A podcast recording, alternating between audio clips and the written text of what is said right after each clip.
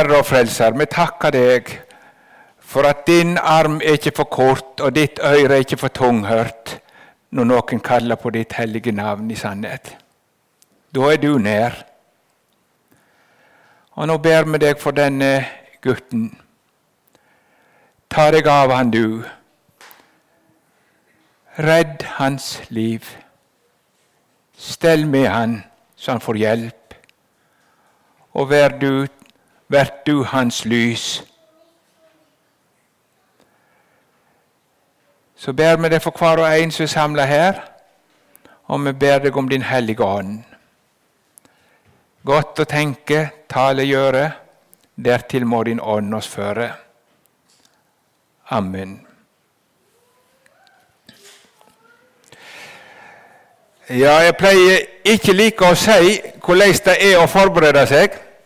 Det kan være veldig opp og ned, og jeg syns ikke det hører hjemme å gjøre seg så interessant på de tingene der. Det kan være mellom meg og Gud, tenker jeg til vanlig. Men jeg, jeg eh, må mest si lite grann, for jeg sa til Wenche i går kveld eller om det var i dag morges, at jeg vet ikke helt hvor veien går for meg i kveld. Eh, det er ikke helt uvanlig for meg å ha det sånn, bare så det ikke blir for stygt på det. Men eh, så, eh, mens jeg satt på bønnemøtet, så ble det delt noe, og da redda jeg meg. Der har du tekst. Men det var ikke så helt enkelt, for noe av det som jeg har vært borti To av de tekstene jeg har hatt i tanker, har vært framme på skikkelig måte etterpå. Og da kan en jo bli ganske i tvil. Men så tenkte jeg sånn at, eh, at det er det var en som hadde hørt ei veldig god åpning. Han var på møte, og så var det et, noen som åpna, og det ble så godt for han. Og Før de visste ordet av det, så hadde han reist seg, og så gikk han bak gjennom. Og så sier han jeg, jeg, jeg går hjem, jeg er mett', sa han. ja, det, sånn kan det jo være. Men eh, så tenkte jeg kanskje det var noen ord som Gud ville skulle sitte igjen ifra denne dagen. Kanskje da. Og Nå sier ikke jeg det sånn som andre, da, så det er ikke farlig. Ja, det var det jeg skulle si om innledningen og forberedelsen. Ja, Jeg skal lese litt ifra eh, Salme 34. Og jeg skal òg nevne ord fra Hebreabrevet 12, og gjerne 11 òg.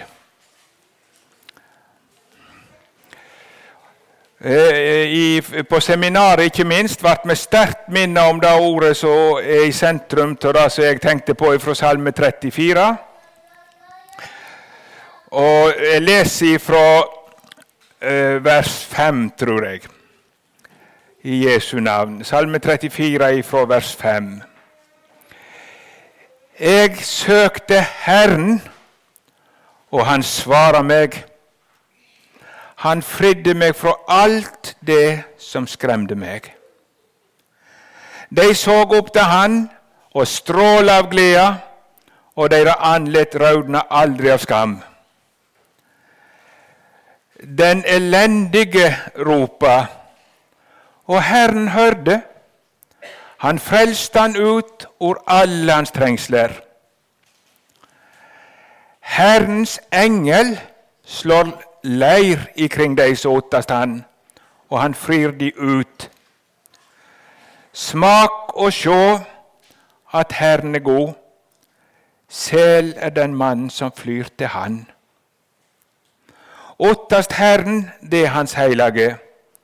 De som åttast han, vantar ingenting.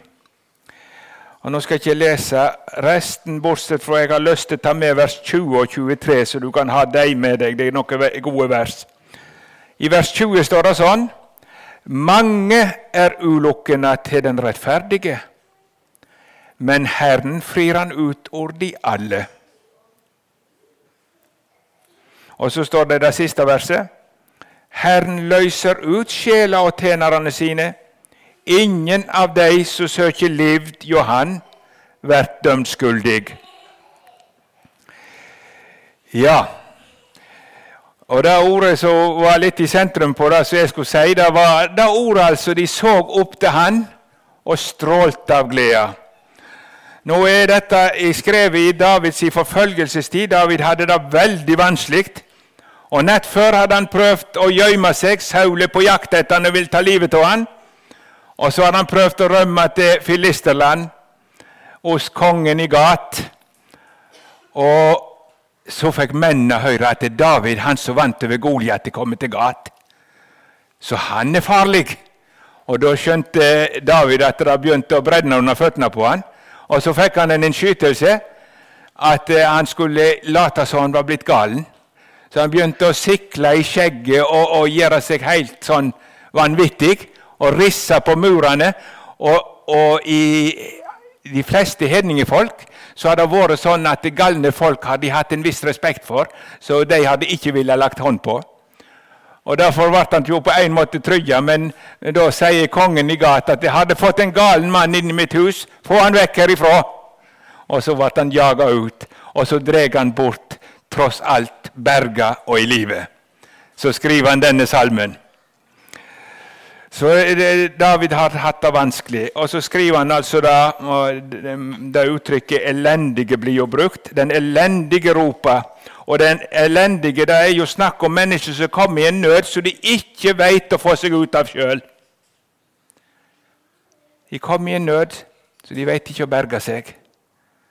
Og så står det om at han roper til Herren, og Herren fridde han ut.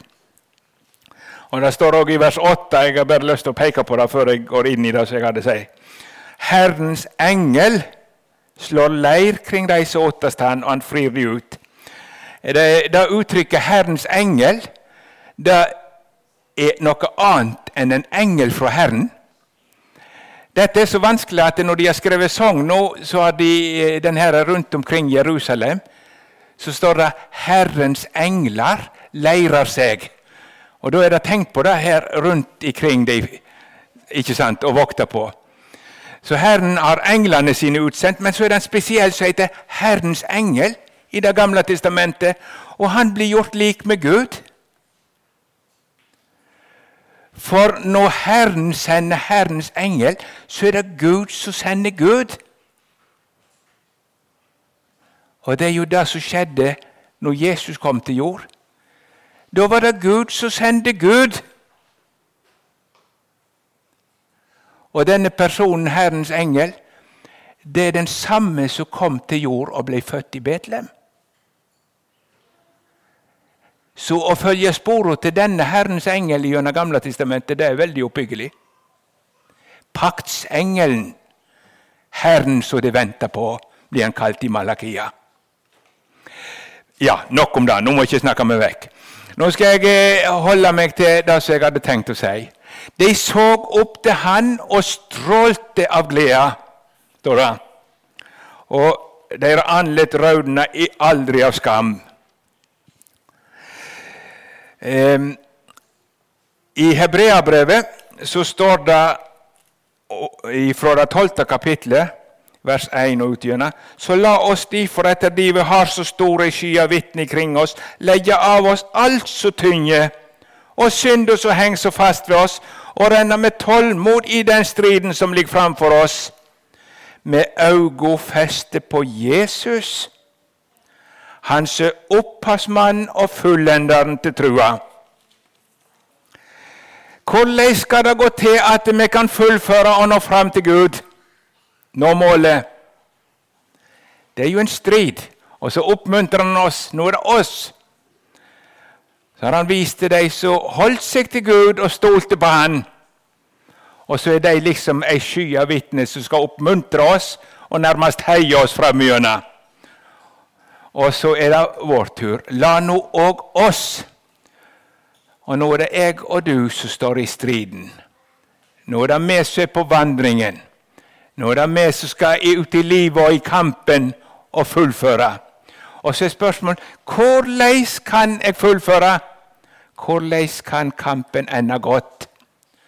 Og så kommer det voldsomt viktige. Det skjer med øynene festa på Jesus. Han som er trua sin opphavsmann og fullender. Han er begynnelsen, og han er den som skal fullføre. Så var, Jeg hadde lyst til å si litt om det å se på Han. Se på Gud, se på Jesus. Og det er jo det merkelige at han er jo usynlig. Så hvordan foregår dette der? Og det står det jo beint fram f.eks. om Moses litt tidligere i kapittel 11. Han holdt ut som om han så den usynlige. Ja, det gjorde Moses.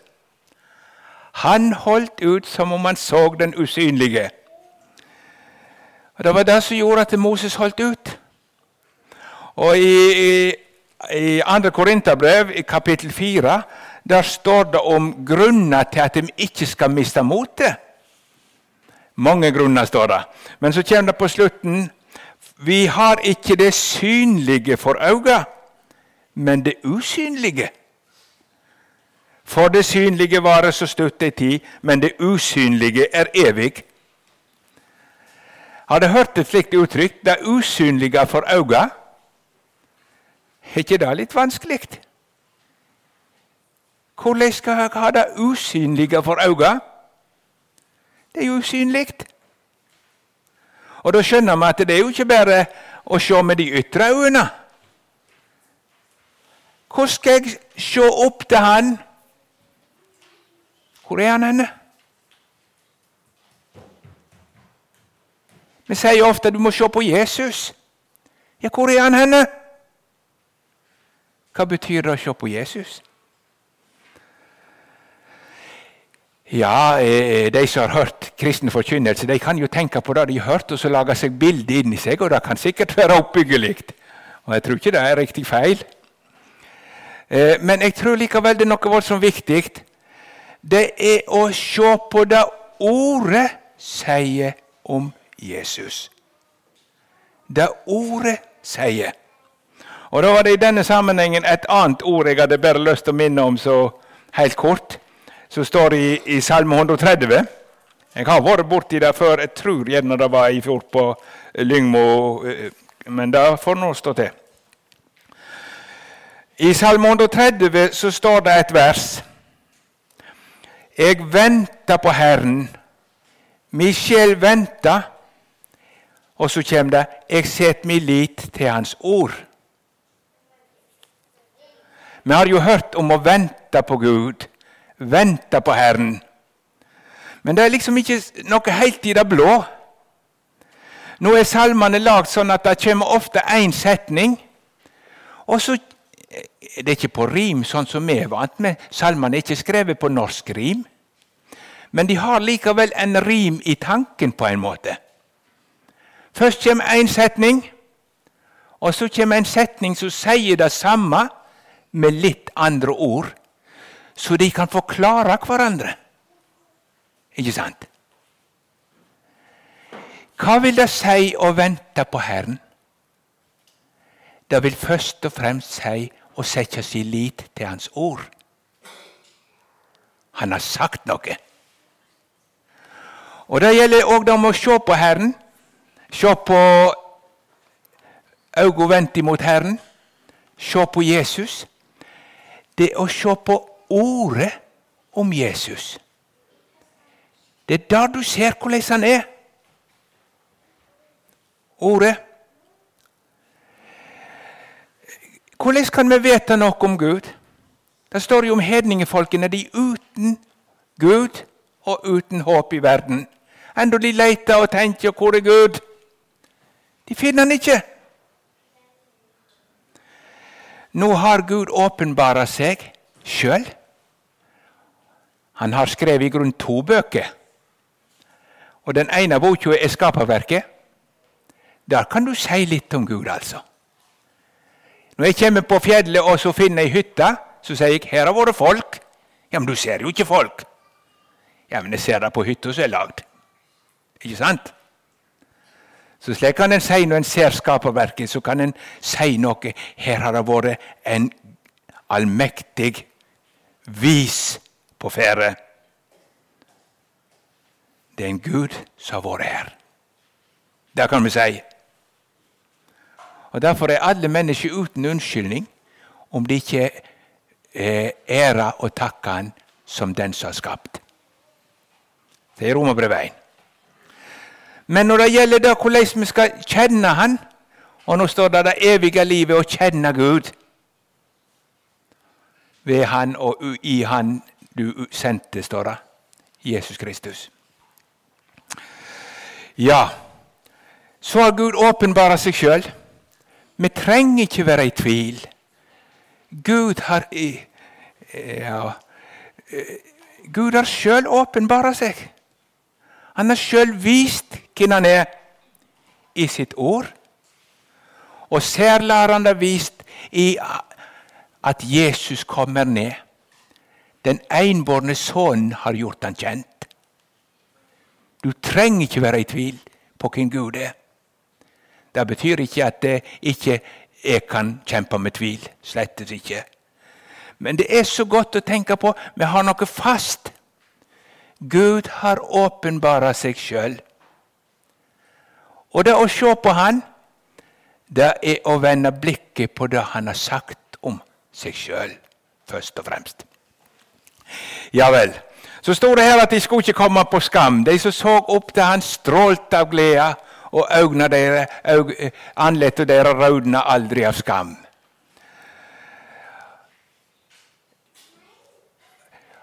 Og så står det om å komme på skam Det, å, det holdt ikke, det som jeg stolte på. Det svikta det som jeg hadde bygd på. Og Bibelen forteller om en dag alt annet enn Gud skal svikte. Så alle som bygger på livet sitt på noe som ikke er den sanne Gud, de kommer til å oppleve en dag at grunnen svikter. Det svikter det jeg har håp på. Og så blir jeg stående til skamme. Det står om de som ligger i graven, at noen skal opp, stå opp til evig liv, og noen til skam og evig avsky. Da er det noen som skal skamme seg. Skam og evig avsky. Men for å komme deg litt nærmere så tenkte jeg på situasjonen som David sjøl hadde vært i. Og Det var når han skulle gå mot Goliat, f.eks. Da kjenner jo det mange av dere. David og Goliat er jo kanskje en kjent fortelling, og jeg synes det, det var en veldig spennende fortelling. Det syns jeg ennå. For eh, det var jo krig mellom Israel og filisterne, og filisterne var i grunnen de sterkeste militært. Og så var det jo forferdelige, de gamle krigene. Så brakte det løst, så var det forferdelig mange som ikke kom hjem til livet. Og så sto de der på hver sin side av en dal og skulle snart gå i krigen.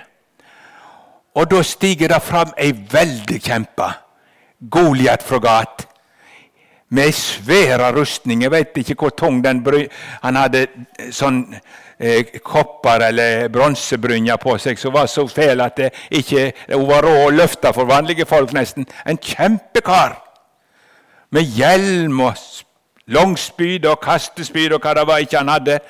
Og så roper han vi, vi trenger ikke gå i krig. Send en mann over, så avgjør vi det, jeg og han. Den som vinner, har vunnet krigen, og de andre har tapt. Og da kunne de ta dem. Ja, tvekamp. Og så vet jeg at eh, denne eh, Goliat Det var ingen i Israel som tørde møte han. Og de ble reddere og reddere, og sånn sto han i 40 dager. Til slutt så var det nesten så de hadde lyst til å gjemme seg alle sammen. De var skrekkelig redde. Og da kommer David. En gutt som sikkert ikke er blitt 20 år. Han var ikke fullt ut voksen ennå. Og så sier han til Saul, 'Jeg skal gå mot Goliat'. Nei, sier det Saul til han. Du, du kan ikke gå mot Goliat, for at er en stor kriger, og du er ikke voksen ennå. Ja, omtrent sånn. Men eh, han gir seg ikke, og til slutt får han overbevist Saul på en måte at han kan liksom ikke nekte han. Og så ser du David, og så den svære Goliat. Jeg tror han var over tre meter. Det var noen store folk før i tida. Kjempe. Og så, og så David. Og så tenker folk ja, David nå kommer han til å skjemme seg aldeles ut. Han kommer til å bli massakrert. For hva hadde David å stille mot mot de sånn kjemper? Han hadde ikke engang rustning. Han kommer sånn som han gikk når han gjette sauene. Nei, dette kan ikke gå godt. Han kommer til å skjemme seg helt ut. Tenk å være så dum og gå imot Goliat med dette. Han kommer til å komme på skam. Ja, tenkte de. Gjorde han det? Nei, det var Goliat som kom på skam. Ja, Men hva var hemmeligheten? Var David så gruelig god å krige, da? Nei, hemmeligheten var ikke det. Hva sier David? Du kommer imot meg i rustning og med spyd og sverd og alt dette her. Jeg kommer imot deg i Herrens navn. Det er ikke meg du skal møte Goliat, egentlig, men det er min Gud. Jeg setter min lit til Han. Og mot himmelens Gud så blir stakkars Goliat et nummer for liten. Det skal jeg love dere. Og så ble David seierherre og kom ikke på skam. Hvorfor? Fordi han så opp til han. Israel har en Gud! Han regna med det Gud hadde lovt sitt folk. Og når han visste at eh, Goliat hadde håna den levende Guds hær, som han sier, så ser du det er en sak for Herren. Og så går jeg i tillit til at Herren vil sjøl gripe inn etter sitt ord. Han ble ikke til skamme. Det ble ikke disse Daniels menn heller når de sto framfor Nebukadneser og sier vi bøyer oss aldri for ditt bilde. For det fins en Gud i himmelen. Han har makt til å fri oss ifra de hånd, og vil han ikke, så tilber vi ikke deg likevel, din, ditt gudebilde. Ha da hiver vi dere i ildovnen. De så opp til han, og så kunne de stråle av glede.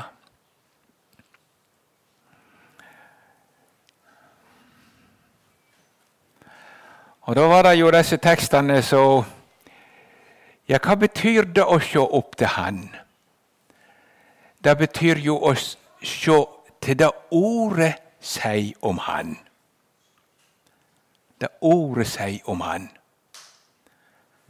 Det var det Moses gjorde når han holdt ut så han så den usynlige. Gud har lovt Israel noe. Og Gud lovde at han ville fri ut folket og føre dem til landet og gi dem landet. Det hadde Gud lovt. Det er veldig stor forskjell. Nå kan du tenke Vi har hørt eh, vår danske venn Uffe. ja. Han har snakket om vandringen i ørkenen og mange sånne ting. Og du, Kan du tenke Moses står på, og folket står ved kanten og skal ut i ørkenen. Hva er det i ørken? Bare sand og stein og tørt og fælt. Det er ikke levende for en israelsfolk er der. Nei, Vi kan aldri gå ut i ørkenen.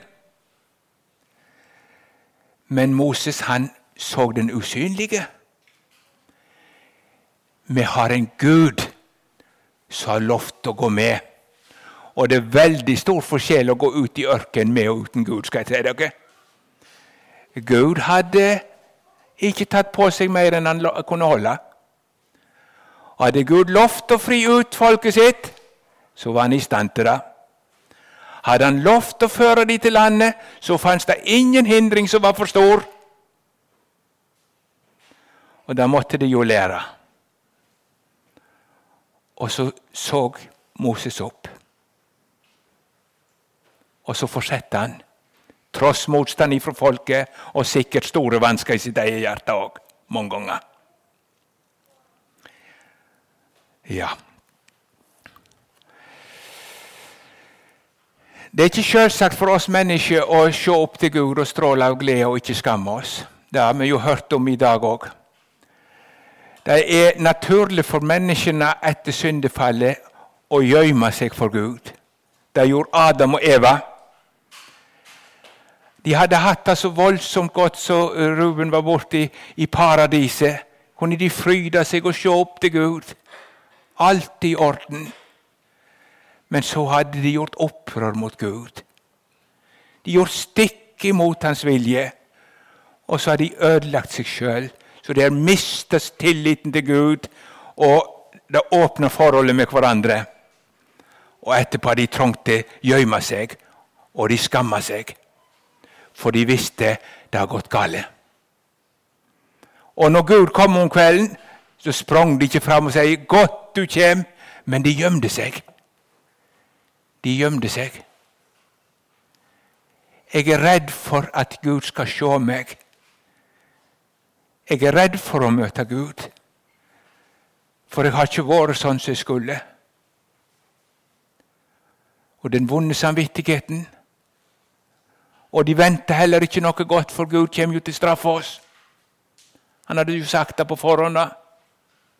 Og så gjemte de seg. Nå kan en jo spørre hva skulle Gud i hagen? Det er et fint tema i Bibelen der en ser den gode hyrden på leiting etter lammet som er kommet bort. Og han venta ikke så lenge før han begynte å lete. Han ville ha dem tilbake, og han hadde en redningsplan som gjorde at de skulle kunne møte han uten å skamme seg. Og Nå vet jeg ikke, men det har vært interessant å snakke med deg om. Men denne der kopperormen, og det var jo teksten, ene teksten, ikke sant? De så opp til han. Og da tenker vi på Jesus på korset. Hvordan kan jeg, et syndig menneske, se opp uten å skamme meg? De så opp til han og strålte av glede. Husker de eh, igjen ifra kopperormen, ikke sant? Da hadde folket stelt seg så aldeles urimelig mot Gud. De hadde knorra mot Han som hadde berga de og bar de gjennom ørkenen dag etter dag. Og så eh, talte de mot Gud og mot Moses. og Hvorfor har det ført oss ut? Her er det bare elendighet, og vi kommer til å dø i ørkenen. Og, og eh, utakknemlige, syndige, knorrende folk. Og så sender Gud eh, slanger og Der husker jeg at jeg har hørt på gamle Løvgren. Og han hadde en liten, Jeg, jeg har ofte snakket om synden så eh, ormene. Synden og med giften og alt. Og det er mye sant i. Men han sier nei, synden har holdt folket seg med sjøl, men ormene var det Gud som sendte. Ser du forskjellen? Derfor står ormene i ørkenen for straffa. Straffa døden, slangene. Men så var det denne kopperormen som ble hengt opp. ikke sant? Gud ville berge sitt folk, så straffa hang over. De hadde stelt seg sånn at Gud skulle straffe dem. Så eh, var det dette med kopperormen. Og Det er vanskelig for meg å unngå å tenke at akkurat kopperormen har årsak i det første løftet til Adam og Eva.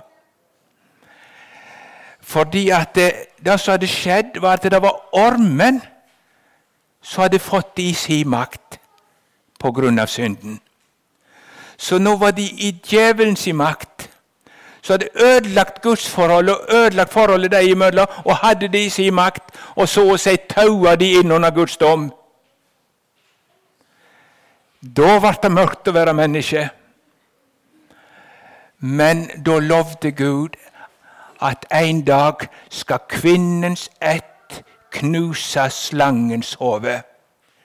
Det skal bli et oppgjør med ormen som tar makta ifra han.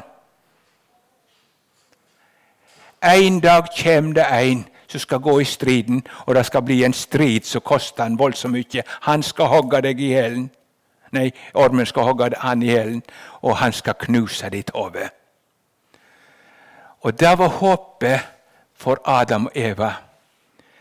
Det er en som skal komme, som skal knuse djevelens makt. Knuse djevelen, ta striden og berge oss. Og så kunne de gå ut av paradiset med håp. Det kommer en. Det kommer en som skal ta oppgjør med djevelen. Og så er hele Gamle testamentet allerede sikta inn på Han som skal komme. Allerede der de så opp til Han, og så kunne de stråle av glede. Det siste ordet er ikke sagt for menneskeslekta nå. Det kommer en. Og jeg tenker jo billedbruken, eller kopperormen, har en bakgrunn i det som hendte der. Det kommer et durabelt oppgjør en dag der ormen skal være beseira. Ja, det er tanker som jeg har, da. Jeg lar ikke det være bindende.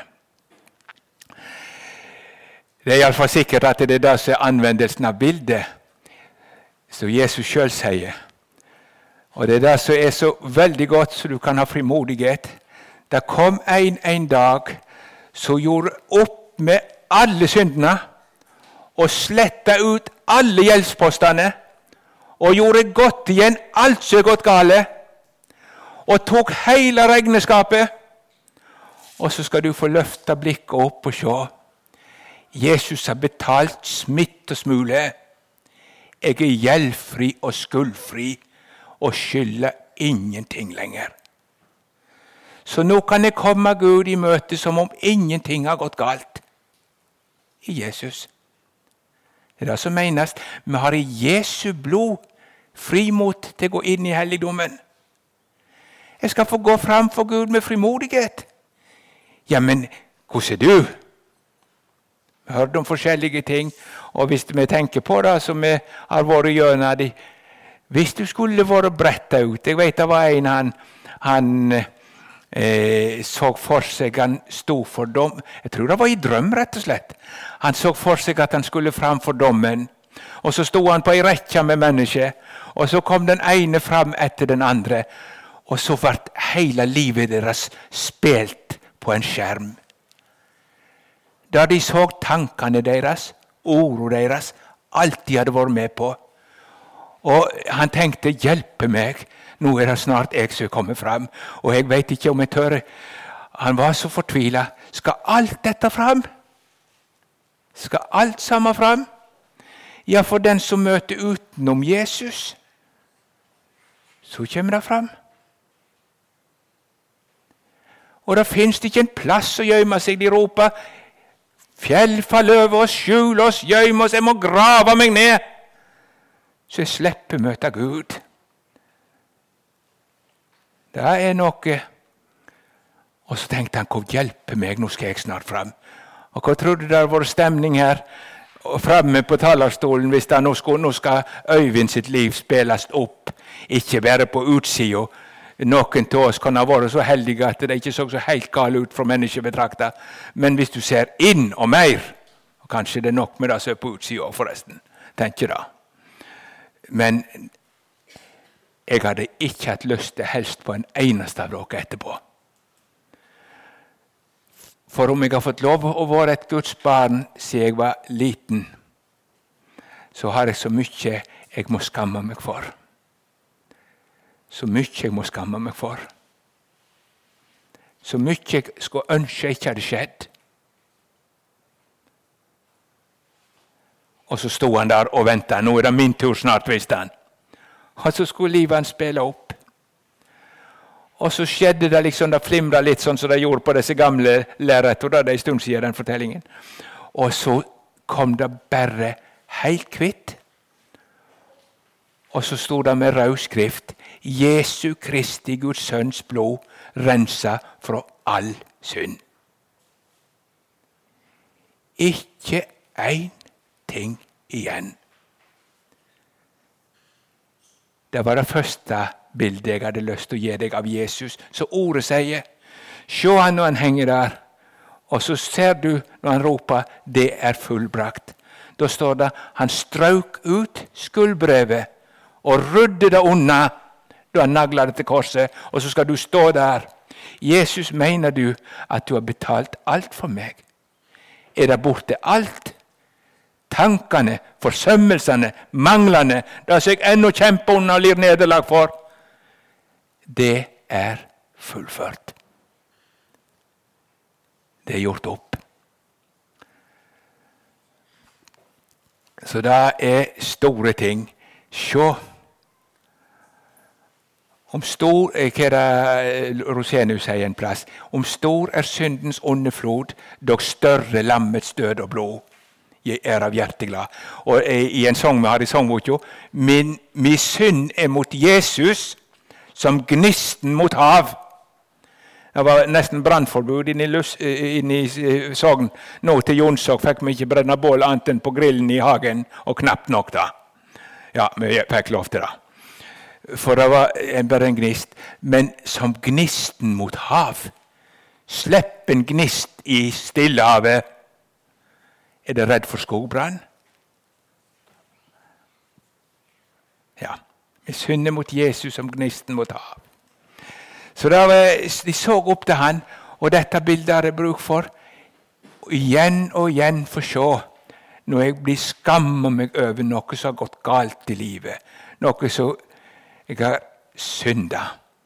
Jeg har gjort det som jeg ikke skulle gjort. Så har jeg en venn som har gjort opp for alt og sletta det ut. Så Gud ikke ser det mer. Og så kan jeg gå framfor Gud som om ingenting har gått galt. Jeg skulle sagt mer om rettferdiggjørelsen, for det er ikke bare at han tar vekk skylda di, men du får Jesus i stedet. Og når du går kledd i Jesus Hvem kan nå med klage? Hvem vil meg anklage? Hvem vil klage Guds utvalgte? Ja, la de komme. Det var som de sa inne i Sogn. De gikk og snakket sammen. Hva skal en si når djevelen kommer og sier det er ikke i orden med deg? Det er ikke rett med deg? Så sa de til de troende de gikk og snakket sammen, og så sa de du må sende han til Jesus. For finner han ikke feil på Jesus, så må han fint la meg fare, sa han. Og så var det en Ivar Venjumshola som nevnte han. Han sa det på den måten. Ja, vet du hva jeg sier til han? Når han sier det er ikke rett med deg, det nevnte jeg tidligere på et møte. Ikke med deg heller, sa han. Ikke med deg heller, sa han til Satan. Og det er jo riktig. Ja vel. Men ordet sier mer om Jesus, og jeg ikke, kan ikke ta vekk alle ord. Men altså, se hva som står. Han ble begravd. For ned til dødsriket. Det er faktisk på oppturen hans, da er det seieren som skal kunngjøres i dødsriket. Så står han opp igjen. Ja. Jeg tenker da at disse øversteprestene i Jerusalem ja, de, eh, Jesus sto jo for det høye råd. Og så ville de ha han over veien og, og ville dømme han til døden. Og så fant de ikke noen sånne vitner, så de, kunne, de prøvde med falske vitner. de prøvde et, Men det stemte ikke, så til slutt så forstår jo øverstepresten at det, dette går ikke an. Og Så stiger han fram for Jesus og sier han, 'Jeg tar deg i ed ved den levende Gud.' Husk altså det, Gud ser deg nå. Nå må du snakke sant. Jeg tenker Jesus husker det. Og så sier han, 'Er du Messias, sønn til den høglova?' Og så svarer Jesus, 'Du sier det. Jeg er det.' Men så sier han noe mer. Og fra nå av skal det sjå menneskesånn sitte ved allmakta, si høyre hand, og komme med himmelskyene. Og så eh, var det ut til Pilatus og ut til korset, og så døde Jesus på korset. Og så går øversteprestene hjem igjen, og så tenker jeg at de ja, de måtte sikre seg med segl, så det skulle være avgjort at nå er Jesus død og begravd, ferdig med han. Og så kunne de roe seg. Der ligger han. Nå er vi ferdig med Jesus. Nei, det var de ikke. Ingen er ferdig med Jesus. Han stod opp igjen på den tredje dagen. Opp på grava. Men ikke bare da. Så får han opp til himmelen og tok plassen ved Guds høyre hånd. Hva betyr det? Det betyr at Jesus har all makta nå. Det skjer ingenting som ikke Jesus har makt over og har i si hånd. Og der skal han sitte inntil alle fiender ligger til skammel for hans føtter. Det hadde jeg som tekst i fjor, forresten. Salme 110, en vidunderlig salme. Det er godt å tenke på. Nå har Jesus seira, og så har han far opp og tatt all makten. Og så skal han herske som konge inntil alle fiender ligger under hans føtter, så det lyser lyse utsikter for kristendommen. Da har jeg lyst til å si den sanne kristendom. For det har Jesus tatt på seg å føre til sitt mål. Og ingen kan hindre han. Ikke djevelen, ikke Antikrist, ikke de krefter som reiser seg. De knuser seg sjøl med å reise seg mot Jesus. Det gjør de. Men Jesus kommer til å sitte på all makt og inntil siste fiende har tapt. Han har i grunnen allerede vunnet. Men det er den seieren han forfølger til alle fiender skal ligge til skammel for hans føtter. Og da må du òg se på for at du ikke skal miste motet i dag. De så opp til han. Det er lett å se rundt seg. ikke sant? Husker det Peter når han så på bølgene? Det vært et bilde som har vært brukt for voldsomt mange. Så lenge han så på løftet og på Jesus, så gikk det noenlunde trygt bortigjennom. Men når han begynte å se på Off, fy da. Der, der, bølgene og Nei, da Og nå er det jo bølger. Og det er så masse ting. Hvordan skal det gå i framtida? Hvordan skal det gå med meg? Hvordan skal det gå med det som jeg har med å gjøre? Hvordan skal det gå med Guds rike? Hvordan skal det gå? Det blir så mørkt. Og Det kan mange ganger se ut som de kristne, og det skal det se ut som av og til. Når det står at de skal lengte til å se en av menneskesønnens dager og ikke få se han. Det ser ut som kristendommen taper.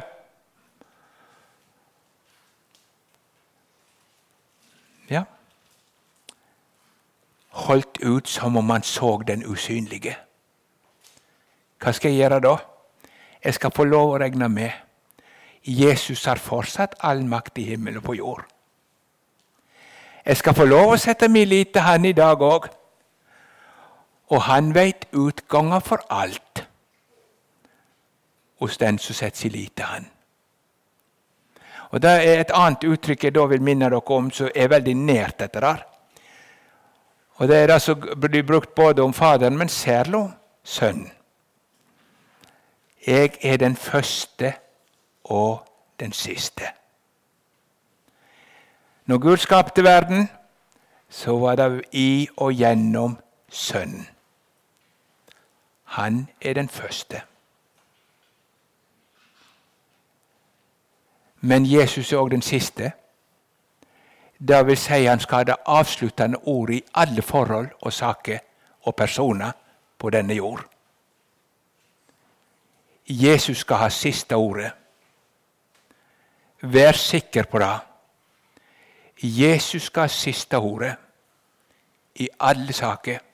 Så når øversteprestene tenkte ja, nå er vi ferdig med han og ligger han i grava Nei, du. Og jeg har tenkt det blir noe til dag når disse skal stå framfor og se han på den himmelske trona og skal fram. Og så tenker jeg sto og spytta på han. Jeg sto og slo han. Jeg sto og spotta han. Og jeg var den som drog han i skjegget. Tror det blir lett? Og Likevel så står det at all synd og spotting mot mennesker sånn skal bli tilgitt. Så Jesus er så mild og god at om de er alle som kommer til han med sin synd, blir redda. Det er fint. Jeg trodde de var ferdig med han, men det er de ikke. Han skal ha det siste ordet i hver enkelt av de sitt liv. Og han skal ha det i ditt liv. Og tar du din tilflukt til Han, så kommer du ikke på skam. Og Derfor leste jeg det ordet bare sånn fort. Mange er den rettferdiges ulykke. Og den rettferdige står her for de som er rettferdige i trua på Gud og følger Han. På, på Jesus. Ikke sant? De som er rettferdige for Gud. Det betyr ikke at det ikke kommer til å ramme dem noe vondt. Mange er ulykkene. Men Herren frir de ut og de alle. Du skal ikke ende i ei ulykke hvis du tror på Jesus. Det skal Jesus syte for. Han frir de ut og de alle. Han skal ha et avgjørende ord i alle sakene. Og da står det at ingen av de som tar sin tilflukt til Han, skal komme på skamme. Ingen av de. For han har sett seg ved Faderens høyre hånd, og der sitter han den dag i dag. Og det er så godt å tenke på jeg har en Gud med all makt, og jeg har en bror med all makt. Jeg har en bror. Noen er litt krye når de kommer fra ei bygd, en stortingsrepresentant, og sier vi har en mann på tinget. noe det òg. Men du verden, jeg har en bror som sitter ved allmakta. Som brenner kjærlighet for mitt vel, for ditt vel. Kan du regne med det? Så når de ser det blir mørkt, så må du løfte øynene litt høyere og så se Jesus sitter på allmaktens trone.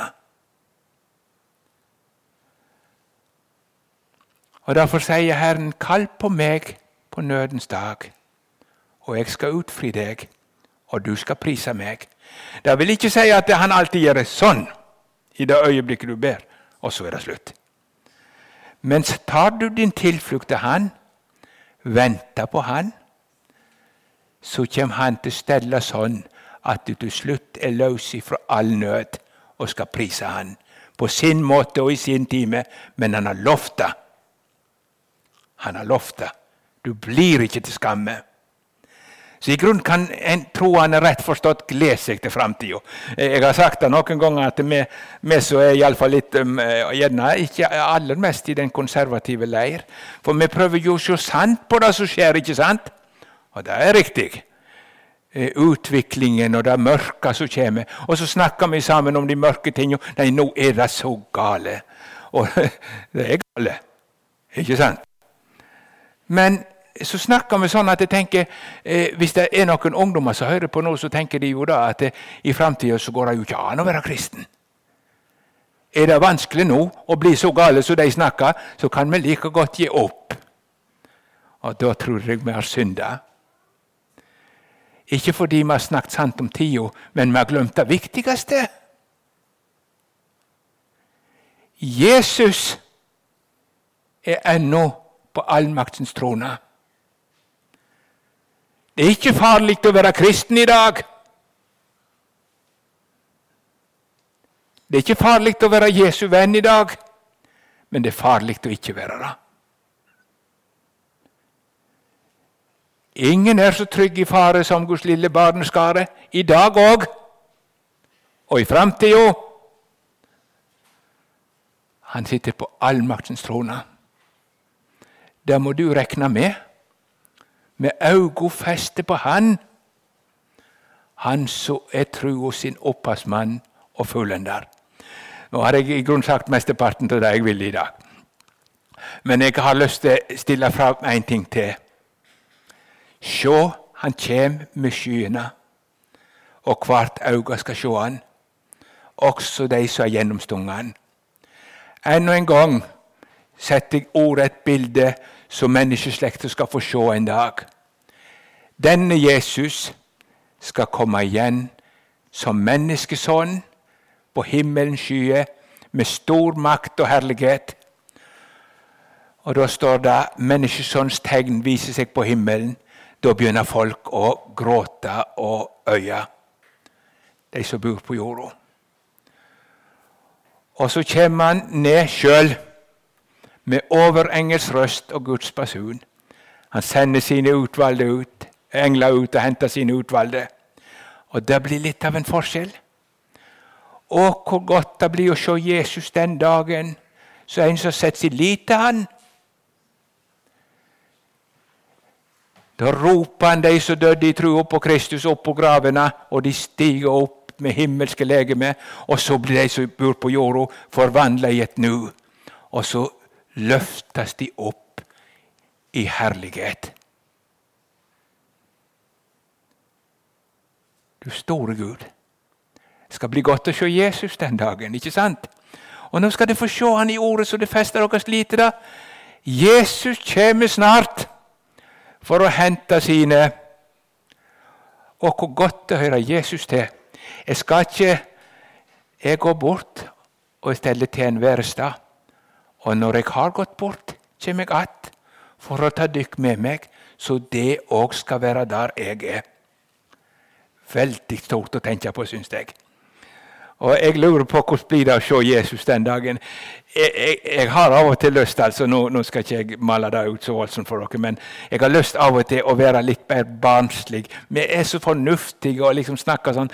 Men mange ganger hvordan blir det når Jesus kommer? Hvordan blir det når, når alt holder på å kollapse sammen, og så plutselig så lyser et himmelsk lys på himmelskyene, og så kommer Jesus sjøl til syne på himmelskyene. Hvordan blir det? Jeg vet Valen Senstad han tenker jeg kommer til dette i gru på jorda, sa han. Sånn som Johannes gjorde på Patmos. Da så han falle ned for han, så en død, sa han. Men så står det han la si høyre hånd på meg. Og så sier han, frykt ikke. Jeg er den første og den siste og den levende. Jeg var død, og så jeg er levende i evighet. Ja, det var en Senstad mener. Han blir så redd av de veldige ting. Eh, men kan jo tenke det, Når himmel og jord kollapser, eller hvordan det nå skjer Vi er ikke alltid vi forstår det helt likt, alle disse tingene der. La nå så være.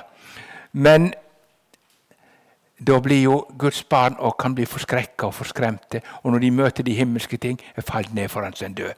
Men så hørte han ei stemme. Og den stemma kjente han igjen. Det var den som hadde trøsta han i livet før. Og så reiser han opp igjen. Tenk når vi hører Jesus i stemma. Den stemma du har funnet trøst i gjennom livet, så hører du den fra himmelen. Så roper deg opp i herlighet. Det blir litt av en dag. Ja, hva sier Guds folk den dagen jeg skal avslutte møtet med det? Det er et, vel det 26. kapittelet, tror jeg det er i Jesaja. Eller skal vi se at jeg ikke sier feil for dere nå. Jeg har ikke fått lagt inn i Ja. Nei, det er 25. jeg tenkte på. Eh, I det 25. står det om den frelsens dag som kommer. Og så står det i vers 8.: Han skal gjøre døden til innkje for evig, og Herren, Herren skal tørke tårene av alle andlet. Vannet at folket sitt skal ta bort fra hele jorda, for Herren har tala. Og så står det på den tida skal de si, sjå der er vår Gud, Han som vi venter på, at Han skulle frelse oss. Dette er Herren som vi venter på. La oss fryde og glede oss i Hans frelse. Ja, Det kunne en si allerede når Jesus var i, i, i sine kjøttsdager, men jeg tror det er det Guds folk sier når han kommer på himmelskyene, og de kjenner stemma, og han roper de opp. Se der er Herren som vi venter på, at han skulle frelse oss. Der er vårt håp. Det er Jesus vår frelser. Han som er død for oss. Han som båret oss gjennom livet. Han som har bedt for oss i himmelen. Og nå kommer han for å hente. Så der er mitt håp. Herren som vi venter på skal gjøre døden til inkje for evig, sto det her. Og så skal han tørke tårna fra alle anlett på sitt folk. Det vil si, han skal for evig fjerne årsaken til din gråt. Så du skal være tilfreds og glad og lykkelig i evighetens evighet. Se opp til han. De så opp til han og strålte av glede. Vi har noe å regne med, folk. Ordet sier noe. Jeg trenger ikke møte motet når jeg ser syndene mine. Jeg trenger ikke møte motet når jeg ser vanskelighetene fra mjøna. Jeg trenger ikke møte, miste motet når jeg ser det brake sammen i de siste store stria. De så opp til han og strålte av glede. Og anlette deres trang ikke rødme av skam. Og så synes jeg Ruben sa det bedre enn jeg kunne gjøre med noen ting nå, når hvordan det var å komme fram for Gud. Og slippe noe å skamme seg for. Kan gå fram for den hellige. Men det kan du allerede gjøre, du som er Jesus. Du trenger ikke skamme deg. For du står for Han ulastende og uklandrende. Dette hadde jeg lyst til å minne dere om. Vil du trygt på havet gå, var det Peter, ikke sant? Fest ditt øye på Jesus. Nå skal vi over livshavet. Så la oss sette ordet som Gud sier, framfor øynene. Så du regner med det ordet sier. Vi fester oss med det usynlige. Kjære Herre Jesus, jeg har lyst til å takke deg for du ville bli vår med alt det du er, og alt det du har gjort. Takk for at himmelen var for trang for deg når du ikke fant oss der. Og så ville du bli vår bror. Du sa var skapermesteren på den første dagen. Og du som er frelseren vår, og du som en gang skal komme i, himmel, i herlighet. Den første og den siste. Til deg er våre øyne vendt. Du er vårt håp, du er vår borg, du er vår tilflukt. Og så takker jeg for at ingen av de som tar sin tilflukt til deg, skal bli til skamme. Så hjelp oss da, Herre, å sette ditt bilde framfor oss og framfor hverandre. Amen.